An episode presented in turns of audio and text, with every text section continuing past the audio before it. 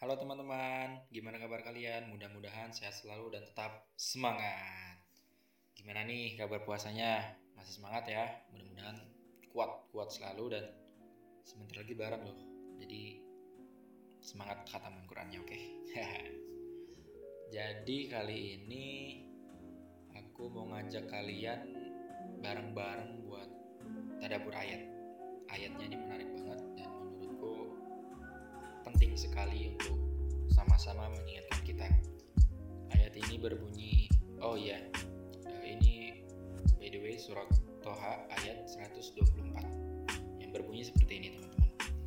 Wa man a'radu an dzikri fa inna lahu ma'isyatan dhanka wa nahsyuruhu yaumal qiyamati a'ma. Qala rabbi lima hasyartani a'ma wa qad kuntu basira. Qala kadzalika atatka ayatuna fanasitaha kadzalika al-yawma tunsa. Dari ayat ini kita bisa belajar bahwasanya Allah berfirman Allah berfirman an dzikri fa inna lahu fa inna lahu ma'isyatan dhanka dan barang siapa yang berpaling dari ayat-ayatku inna lahu ma'isyatan dhanka maka baginya adalah kehidupan yang sangat sempit maksudnya apa? Allah telah menurunkan firman. Allah telah menurunkan peringatan bagi kita semua. Allah telah menurunkan buku panduan hidup bagi umat manusia. Untuk menghalangi manusia itu sendiri dari yang namanya kesesatan. Allah telah menurunkan ayat-ayatnya dan peringatan. Dan seperti kita ketahui tidak sedikit dari kita umat muslim yang mulai meninggalkan peringatan ini. Dan peringatan ini berupa Al-Quran seperti itu. Bisa dihitung kita dalam sehari saja berapa waktu yang kita sisihkan untuk Al-Quran. Padahal sebenarnya Al-Quran itu tidak pantas untuk kita sisihkan waktunya. Melainkan kita prioritaskan. Seperti itu. Sama seperti halnya kita harus merubah mindset bahwasanya dalam dalam hal mengakhirkan waktu sholat, mengakhirkan sholat. Kita harus membenarkannya seperti ini. Sebenarnya kita hidup itu hanya untuk menunggu waktu sholat.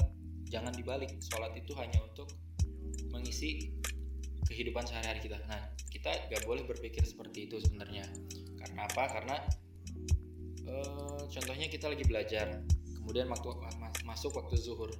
Nah mindset kita itu harusnya kita belajar untuk menunggu waktu zuhur. Bukan bukan sebaliknya. Kita belajar eh masuk waktu zuhur. Jadi sebenarnya sholat sholat itu adalah untuk sebenarnya eh, kegiatan-kegiatan yang kita isi sehari-hari adalah untuk menunggu waktu sholat. Maka dari itu sebisa mungkin jangan sampai kita mengakhiri yang namanya sholat. Sama seperti halnya Al-Quran. Al-Quran itu terlalu mahal untuk kita sisihkan waktunya. Al-Quran itu harus kita prioritaskan seperti itu. Kita harus punya waktu khusus untuk Al-Quran.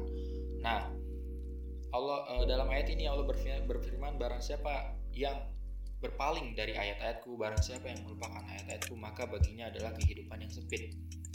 Maksud dari kehidupan yang sempit itu adalah uh, mau seberapa keras usaha seseorang dalam menggapai suatu kesuksesan atau bahkan mungkin orang itu udah sukses uangnya udah banyak dan mungkin kehidupannya itu sempurna. Gak ada kekurangannya.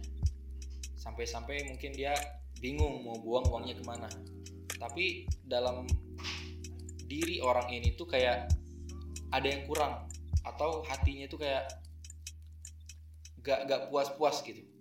Padahal dia udah memiliki semuanya tapi hatinya itu nggak puas. Nah inilah sebenarnya definisi dari kehidupan yang sempit. Kenapa? Karena mungkin dia dalam menjalani kehidupannya dalam menjalani kehidupannya dia hanya mem mementingkan duniawinya saja dan meninggalkan peringatan Allah tadi berupa Al-Quran. Maka baginya kehidupan yang sempit. Nah jadi untuk sama sama-sama mengingatkan aku sendiri sama teman-teman juga jangan sampai kita menjadi orang yang mungkin suatu saat nanti di masa depan kita memiliki semuanya dan naudzubillah kita sampai nggak puas gitu loh dengan apa yang kita capai. Karena itu mungkin tanda bahwasanya hmm, kita telah melupakan peringatan Allah gitu. Soalnya kenapa? Soalnya nggak sedikit juga orang-orang yang hidup sederhana bahkan kekurangan mereka itu serasa lapang hati mereka tenang gitu. Karena mereka menyertakan dalam keseharian mereka itu mereka e, berserah diri pada Allah gitu.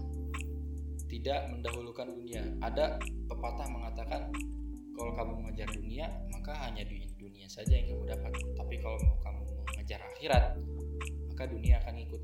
Karena dunia itu seperti bayangan. Kamu kejar mungkin kamu gak akan puas. Karena kamu gak bakal dapat dapat ketika kamu dapat satu hal ada yang lebih lagi dari kamu gitu tapi kalau kamu berbalik atau kamu mengejar akhirat si bayangan ini bakal ngikut ke kamu gitu. Di dunia itu bakal ngikut. Nah seperti itu e, seperti itulah kira-kira permisalannya. Jadi aku mau sama-sama ngingetin teman-teman sekalian gitu. Jangan sampai kita terlalu ter, terlalu terlalu terla, terlarut dalam dunia kayak gitu. Bukan berarti aku udah baik gitu tapi kita sama-sama mengingatkan. Yang paling menarik adalah ayat setelahnya. Qala rabbi lima hasyartani a'ma wa qad kuntu basira. Nah tadi di ayat sebelumnya aku jelasin dulu uh, setelah uh, dia memiliki kehidupan yang sempit wa nasyuruhu yaumal qiyamati a'ma. Allah akan membangkitkan dia dalam ke keadaan yang buta di hari akhir nanti Allah akan membangkitkan dia dalam keadaan yang buta nah di ayat setelahnya Qala rabbi lima syartani a'ma wa qad kuntu basira. Orang ini nih protes sama Allah. Ya Rob, kenapa engkau membangkitkanku dalam keadaan yang buta padahal dulu waktu di dunia aku bisa melihat, waktu hidup di dunia aku dulu bisa melihat. Apa jawaban Allah? Jawaban Allah adalah Qala kadzalika atatka ayatuna fanasitaha wa kadzalikal yauma tunsa. Ini ayat jujur ayat ini yang sampai sekarang uh, ayat yang selalu nampol aku lah gitu. Kurang lebihnya seperti itu. Ayat ini selalu nampol aku. Jadi Allah berkata Qala kadzalika atatka ayatuna fanasitaha dan telah datang kepadamu peringatan-peringatan kami, peringatan Allah kepadamu berupa Al-Qur'an, hadis gitu kan. Apa yang telah diajarkan uh, oleh rasul-rasul sebelum kita untuk bahwasanya selamat dan kembali dengan kembali uh, kita tuh pulang dengan membawa bekal yang cukup gitu untuk menghadap Allah. Kamu tuh udah melupakan itu semua gitu. Wala kadzalika atatka ayatun afanisita kamu tuh udah melupakan itu semua. Wa kadzalika liyaumatun maka di hari ini kami yang akan melupakan itu kata Allah.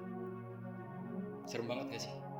Serem loh gimana rasanya kita dilupakan oleh Allah gitu karena kita telah melupakan peringatannya karena kita telah membuang buku panduan hidup kita untuk memiliki bekal yang cukup untuk pulang gitu.